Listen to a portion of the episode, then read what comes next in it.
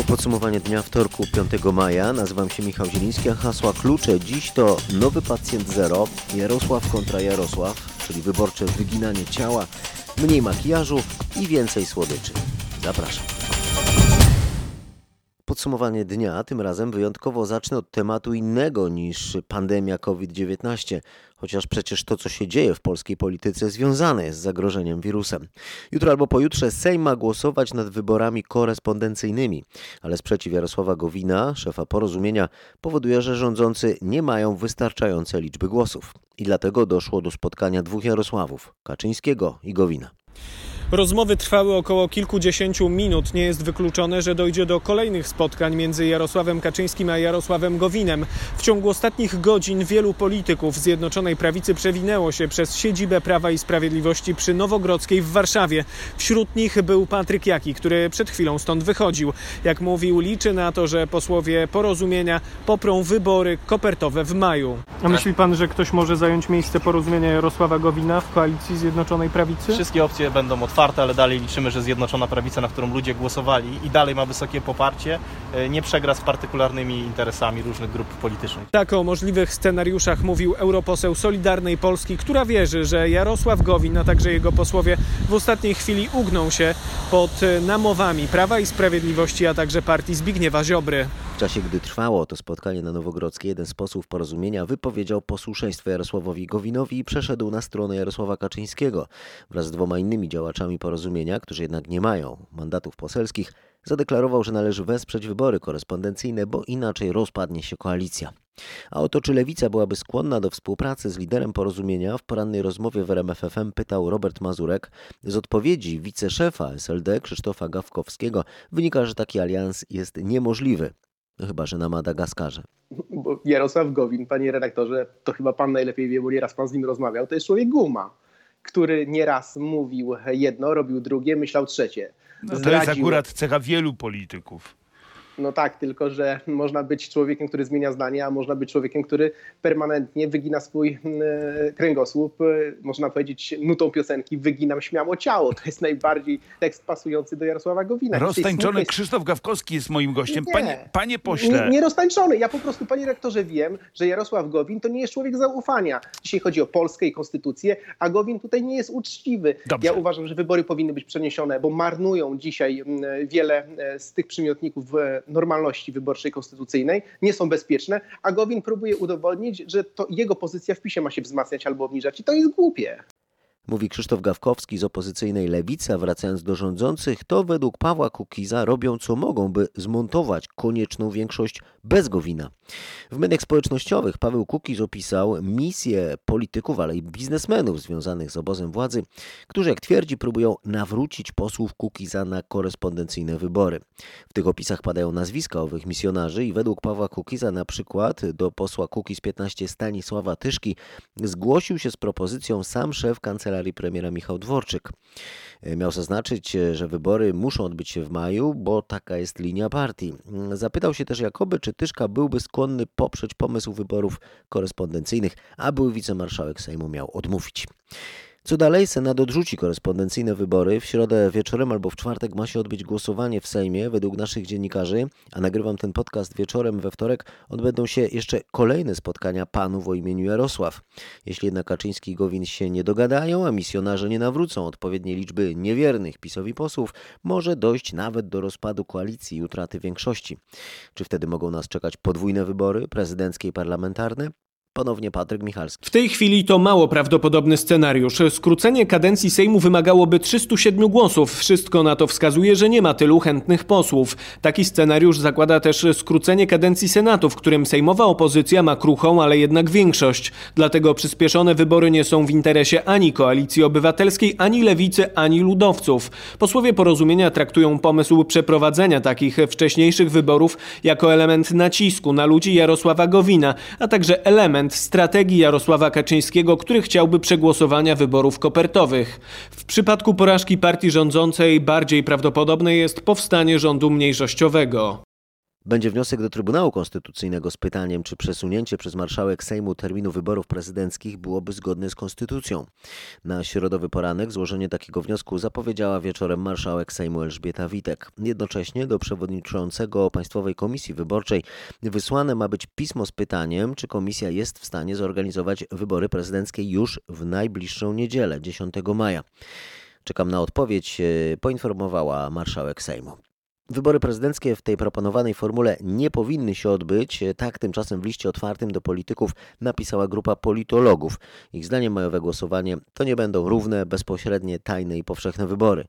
Doktor Renata Mińkowska-Norkiene z Uniwersytetu Warszawskiego przekonywała w popołudniowej rozmowie w RMFFM z Marcinem Zaborskim, że prezydenta powinniśmy wybierać później ale mówimy też o tym, że nie jesteśmy co do zasady um, przeciwnikami wyborów korespondencyjnych pod jednym warunkiem, że one będą uczciwe, a w tej chwili w maju to, to co się musi stać? niemożliwe. To co się musi No stać, żeby były uczciwe? Musi się stać przede wszystkim dobre przygotowanie do tych wyborów, tak? I osób, które będą pracowały w komisjach wyborczych i przygotowanie obywateli poprzez rzetelną informację.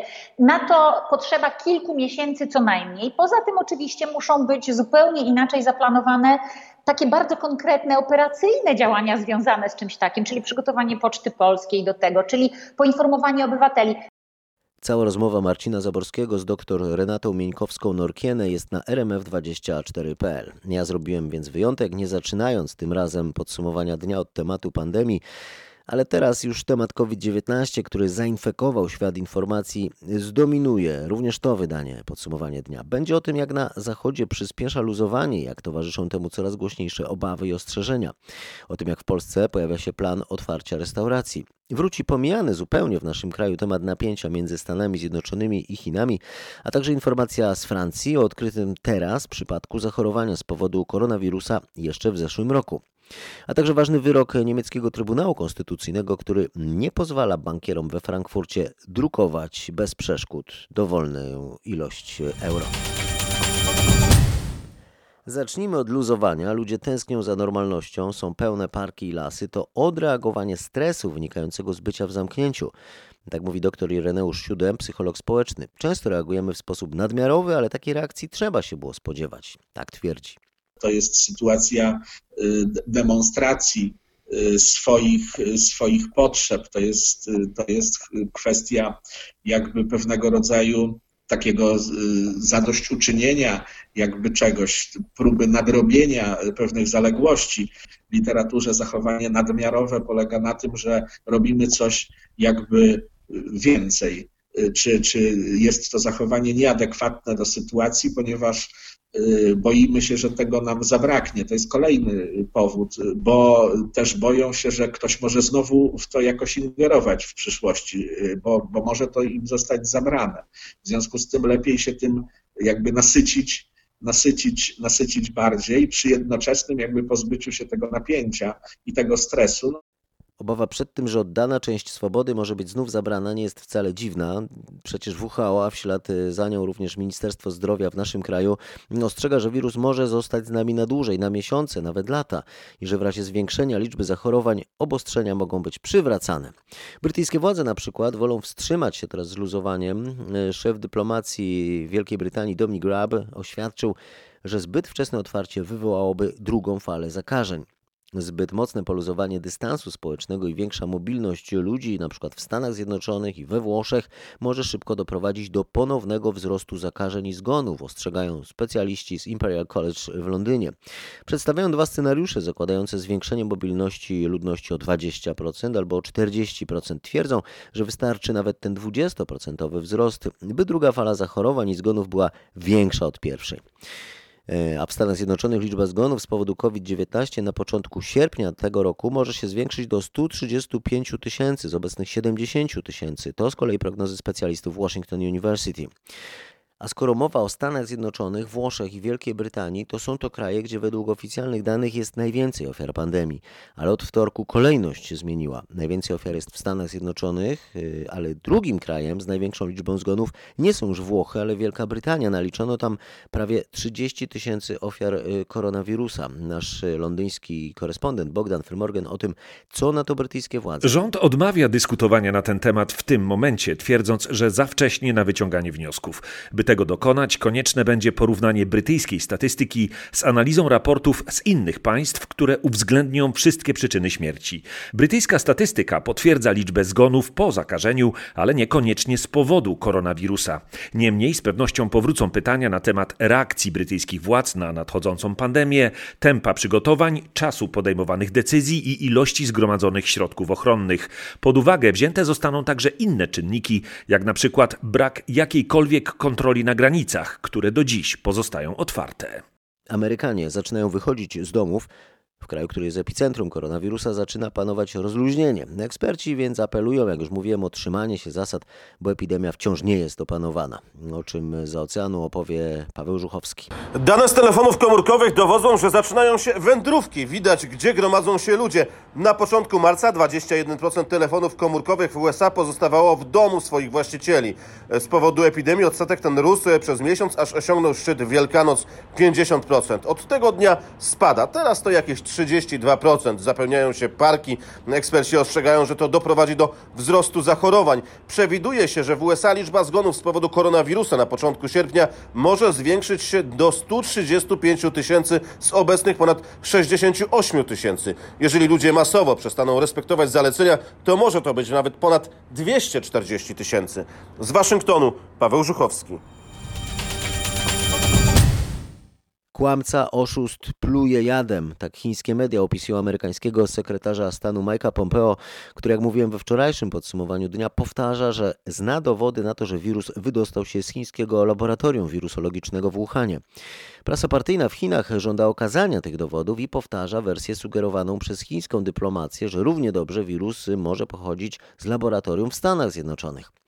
Na obecnym etapie nie zakładamy, że wirus mógł pochodzić z innego miejsca niż chińskie Wuhan, mówi rzecznik Światowej Organizacji Zdrowia.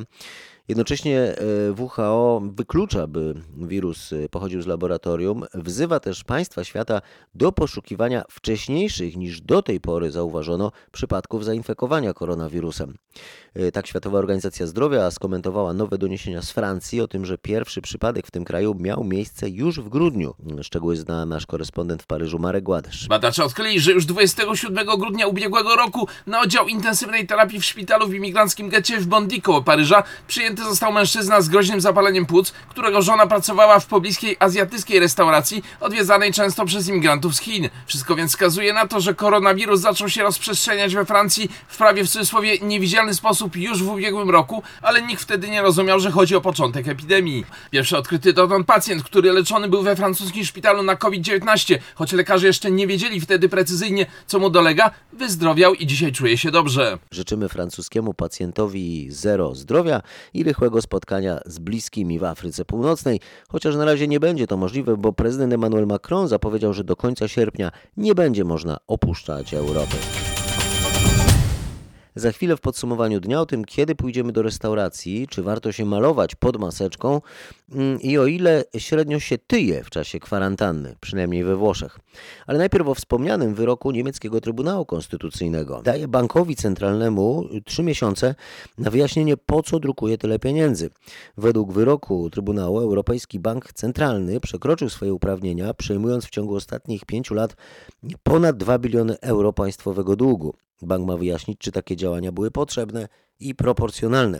Jeśli Europejski Bank Centralny nie złoży przekonującego uzasadnienia, zgodnie z wyrokiem Trybunału Bundesbank, czyli niemiecki bank centralny, ma pozbyć się swojego udziału w planie, udziału o wartości ponad pół biliona euro. Taki obrót sprawy spowodowałby trzęsienie ziemi na rynku długu, ale nawet jeśli tak się nie stanie, wyrok daje sygnał, że obecny plan drukowania pieniędzy, jeszcze bardziej intensywnego do druku, nie będzie przebiegać bez przeszkód w strefie euro. Zero. A takie tworzenie większej ilości pieniądza to sposób na obecny kryzys również przecież w Stanach Zjednoczonych i w innych państwach, w tym w Polsce. Z tych pieniędzy są finansowane m.in. programy pomocowe dla osłabionych i całkiem zamkniętych branż. Na dłuższą metę oczywiście to nie może działać, dlatego rządy starają się otwierać gospodarki. Polski rząd chce zezwolić restauracjom na otwarcie 18 maja. Tak w tej chwili wyglądają plany Rady Ministrów, ustalili nieoficjalnie dziennikarze RMFFM. Nie będzie to jednak pełne otwarcie. Rząd postawi właścicielom barów, kawiarni i restauracji trzy warunki. Jakie to warunki?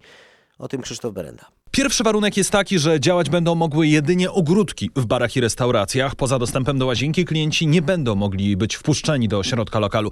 Drugi warunek jest taki, że stoliki będą musiały w tych ogródkach być oddalone od siebie co najmniej o dwa metry. Trzeci, ostatni warunek dotyczy obsługi. Żeby restauracja mogła przyjmować gości, to będzie musiała zapewnić pełną obsługę kelnerską. Jedzenie i napoje mają być zamawiane przy stoliku i tam mają być dostarczane. To oznacza, że bary samoobsługowe i szybkoobsługowe nie będą mogły wpuszczać gości do środka. Żeby działać, będą musiały zatrudnić kelnerów. Na pełniejsze otwarcie restauracji, barów i kawiarni trzeba będzie poczekać dłużej. Dodam, że tak w tej chwili wyglądają plany rządu. Mogą się zmienić, jeżeli wymusi to koronawirus. To złudna pomoc, tak? Rządowe propozycje komentuje część restauratorów w Krakowie. Rozmawiał z nimi nasz reporter Marek Wiosło. Mniej niż połowie, tak uważają krakowscy restauratorzy. Wiele placówek nie posiada ogródków, a jeżeli już one istnieją, często są bardzo małe. Ich otwarcie nie zawsze wiązałoby się z tym, że restauracja stałaby się opłacalna, mówi Tomasz Górzyński z sieci Rodzinne Restauracje. Ogródki lokali, które, które są w miastach, również są małe i otwarcie lokali z trzema, czterema stolikami dalej powoduje to, że straty funkcjonowania restauracji są kolosalne. Podobne zdanie ma Michał Kościuszko z jednej z krakowskich restauracji. Musimy mieć odpaloną kuchnię, wszystkie urządzenia. E, pobór prądu jest ten sam, więc de facto koszty stałe restauracji nie zmieniają się, a potencjalny przychód będzie znikomy. W Krakowie dla przedsiębiorców wciąż obowiązuje program pauza. Od restauratorów nie są pobierane żadne opłaty na rzecz miasta. I zapewne restauratorzy mogą liczyć na pomoc e, władz również w następnym etapie. Przykład z Wilna. Mm, tamtejszy magistrat zgodził się udzielić swojej przestrzeni miejskiej za darmo y, na ulicach i placach, by ogródki mogły się powiększyć. Podobne plany mają władze Sopotu. Również Białystok zapewnić ma bezpłatnie restauratorom, którzy mają ogródki letnie, większą przestrzeń, jeśli takie będą wymogi związane z pandemią. Tak zadeklarował prezydent miasta Tadeusz Truskolaski. Warunkiem ma być to, że będzie to obecna, wynikająca z umów liczba stolików. Jeszcze długo będziemy jeść głównie w domach, a domowy wikt posłużył mocno Włochom 2 kg. Przytyli średnio podczas prawie dwumiesięcznej kwarantanny. Taki jest wynik analiz przeprowadzonych dla Związku Rolników. Zauważono, że wpływ miała na to mniejsza aktywność fizyczna, no i uciekanie się do jedzenia jako formy pocieszenia. Dane zostały oparte na wynikach sprzedaży żywności królowały mm, na listach zakupów artykuły słodkie, tłuste i węglowodany. Sprzedaż słodyczy wzrosła o kilkanaście procent, słonych paluszków, e, pizzy o jeszcze więcej, oleju do smażenia o 40%, a mąki o 150%. Zapewne Włosi sami robili chleb i inne wypieki w domu. W kalendarzu świąt nietypowych we wtorek był dzień bez makijażu, a skoro zakrywanie części twarzy jest obowiązkowe, łatwiej zrezygnować z kolorowych kosmetyków. Jasne, bo czasem trzeba ją zdjąć. A jak ten makijaż się utrzymuje pod tym e, materiałem? Odpowiedni kosmetyk wytrzyma. Tylko połowę twarzy. Nie ma sensu się malować, bo ten podkład jakby zostaje na maseczce i potem one są całe No brudne. Czyli co, stawiamy na naturalność? Tak, tylko naturalność, ewentualnie rzęsy i brwi. Tylko tak oczy, makijaż oczu. Zależy od dnia po prostu. No jak kiedy jest psa, no to się nie maluje, no bo nie ma potrzeby. Chyba raczej nie. Można dać skórze odpocząć w tym czasie? Oczywiście, że tak. Jestem za. Lekko troszeczkę. Z łodziankami rozmawiała nasza reporterka Magdalena Greiner, a w czasie izolacji, kiedy panie były w domach same, ewentualnie ze swoim własnym mężczyzną, sprzedaż kosmetyków do makijażu załamała się. Takie są dane z całego świata, nie tylko z Polski. Z badań firmy Nielsen dotyczących naszego kraju wynika, że w tygodniu wprowadzenia kwarantanny sprzedaż kosmetyków do makijażu spadła w Polsce aż 6 razy, w Stanach Zjednoczonych niemal tyle samo. I wrócimy teraz do Ameryki, gdzie pojawił się nieproszony gość z Azji. Przedstawiciele branży rolniczej amerykańskiego stanu Waszyngton są zaniepokojeni pojawieniem się na ich terenie gigantycznego szerszenia. Owad, który może osiągać rozmiar nawet 5 cm, pierwszy raz został zaobserwowany w grudniu, niedaleko granicy z Kanadą. To naprawdę duży owad. Gdy pierwszy raz go spotkasz, jest po prostu przerażający. Kiedy ja po raz pierwszy zobaczyłem okaz, pomyślałem, że to dziecięca zabawka. Był tak wielki w porównaniu do innych szerszeni, z którymi mam do czynienia. Mówi entomolog Venerix Pichiger. Kilkukrotne urządzenie szerszenia azjatyckiego może zabić człowieka. Owad jednak przede wszystkim zagraża rolnictwu, atakuje pszczoły, niszcząc cały ulew w zaledwie kilka godzin. Pszczoła ma absolutnie kluczowe znaczenie, bo zapyla plony. Ocenia się, że co trzecia łyżka spożywanego przez nas jedzenia zależy właśnie od procesu zapylania. Naukowcy nie wiedzą, jak szerszeń azjatycki zawędrował do Stanów. Niewykluczone, że przybył na jednym z kontenerowców zawijających do tamtejszych portów.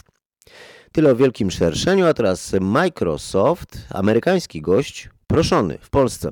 Koncert ma stworzyć w naszym kraju hub technologiczny za miliard dolarów i to ma być największy projekt inwestycyjny w historii polskiej cyfryzacji. To byłby pierwszy region przetwarzania danych w Europie Środkowo-Wschodniej. Dyrektor generalny polskiego oddziału Microsoft Mark Lachran ocenił na wtorkowej konferencji prasowej, że Polska ma szansę być cyfrowym sercem Europy. A teraz o mniejszych pieniądzach. Nie złożyliście zeznań podatkowych do końca kwietnia. To nic, ze względu na epidemię fiskus wydłużył termin składania PIT-ów o miesiąc. Podatku za zeszły rok trzeba się zatem rozliczyć do 1 czerwca. Najwięcej z tego skorzystają podatnicy, którzy rozliczają zeznania z działalności gospodarczej. Zeznania pozostałe, 37, to jest ta największa część zeznań dotyczących ludzi na, zatrudnionych na etatach, na umowach zlecenia już została zaakceptowana w systemie Twój EPIT. To nie oznacza jednak, że jeżeli ktoś do tego zeznania nie wszedł i nie uzupełnił jakichś dodatkowych informacji, informacji o ulgach czy 1% na organizację pożytku publicznego, z których chciałby skorzystać, że nie ma takiej możliwości. Przedłużenie terminu składania deklaracji oznacza też, że w przypadku niedopłaty podatku do końca czerwca nie będą doliczane odsetki od brakującej kwoty. I zakończymy to podsumowanie dnia bardzo poważnie. Próbujemy szukać tak zwanej nowej normalności, ale nie jest łatwo ze świadomością, że nasze poświęcenie, ograniczenie wolności, często utrata efektów wieloletniej pracy, że to wszystko może nie wystarczyć, by fala zachorowań nie przelewała się przez służbę zdrowia. We wtorek znów było w Polsce więcej nowych przypadków, ponad 420 potwierdzonych testami, a zmarło w sumie od początku pandemii w naszym kraju 700 osób. Na całym świecie prawie 260 tysięcy, z czego 80% w Stanach Zjednoczonych i Europie Zachodniej. Zachorowało 3 miliony 600 tysięcy ludzi, z czego prawie 70% w Ameryce Północnej i Zachodniej Europie. Tyle liczb. Zapraszam na jutrzejsze podsumowanie dnia.